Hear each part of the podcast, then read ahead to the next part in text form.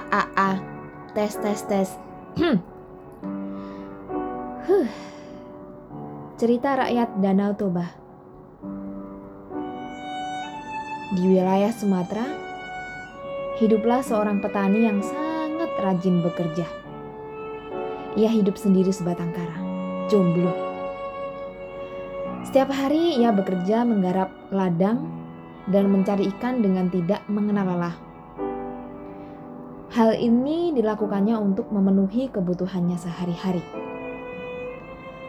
Pada suatu hari, petani tersebut pergi ke sungai di dekat tempat tinggalnya. Ia bermaksud mencari ikan untuk lauknya hari ini. Yeah, makan ikan!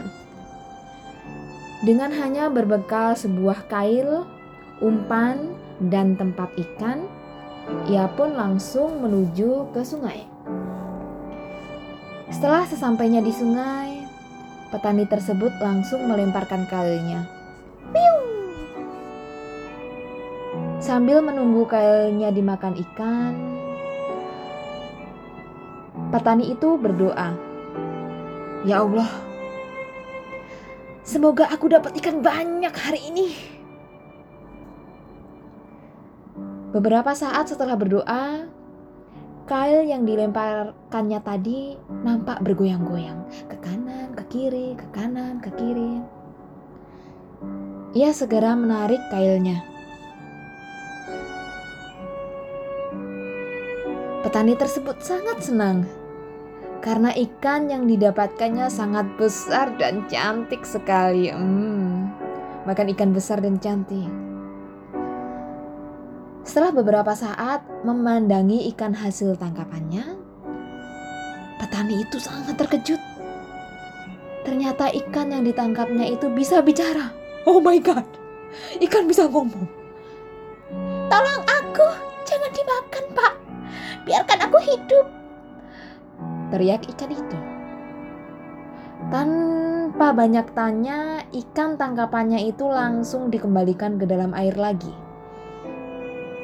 Setelah mengembalikan ikan ke dalam air, petani itu terkejut lagi. Karena tiba-tiba ikan tersebut berubah menjadi seorang wanita yang sangat cantik. Oh my god, sweet. Jangan takut, Pak. Aku tidak akan menyakiti kamu, kata si ikan. Si, si, si, siapa kamu ini? Bukankah kamu seekor ikan? Petani itu bertanya. Aku adalah seekor putri yang dikutuk karena melanggar aturan kerajaan. Jawab wanita itu. Terima kasih engkau sudah membebaskan aku dari kutukan itu. Dan sebagai imbalannya aku bersedia kau jadikan istri. Kata wanita itu. Petani itu pun setuju. Eh, setuju dong. Lagi jomblo, ketemu cewek cantik, mau jadi mau dijadiin istri lagi. Oke, deal. Kita nikah. Maka jadilah mereka sebagai suami istri. Namun ada satu janji yang telah disepakati, yaitu mereka tidak boleh menceritakan bahwa asal-usul putri adalah seekor ikan. Jika janji itu dilanggar, maka akan terjadi petaka yang dahsyat.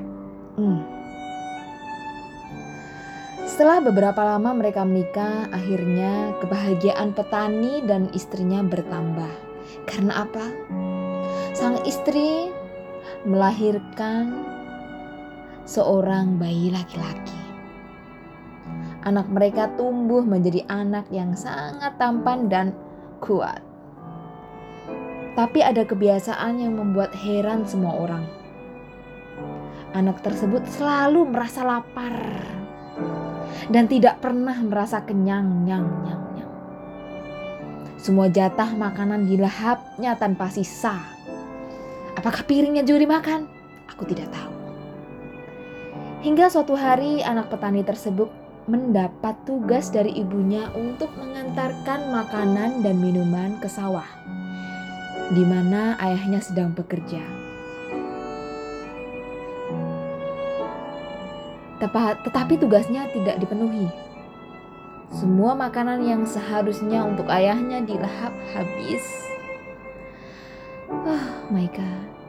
Dan setelah itu dia tertidur di sebuah gubuk. Habis kenyang datanglah kantuk. Pak Tani menunggu kedatangan anaknya sambil menahan haus dan lapar. Oh my God.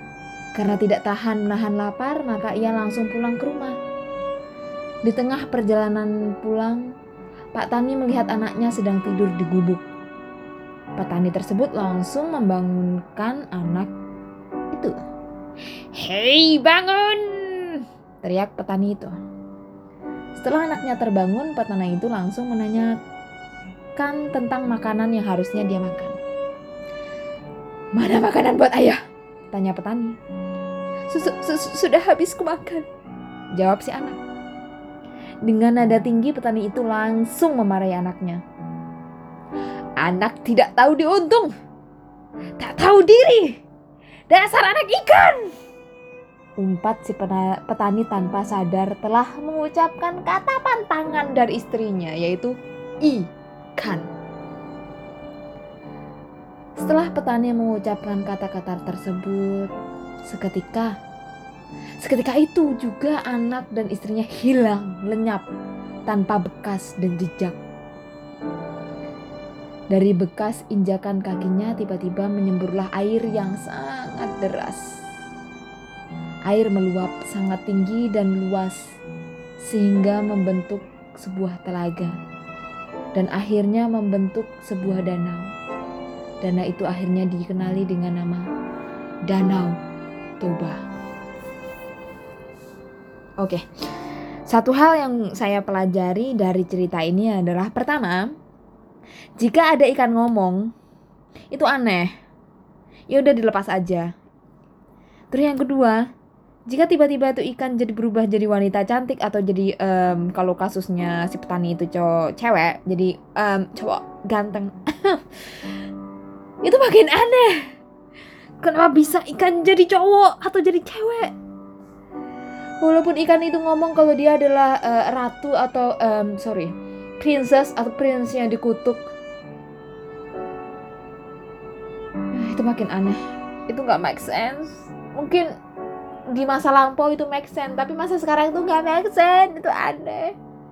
Terus oke okay, kalau itu pun make sense terus nikah gitu ya kan. Um, dengan kesepakatan bahwa tidak boleh ada kata-kata ikan di situ. Ya udah ikan diganti fish beres kan? Atau mungkin diganti sakana bahasa Jepang.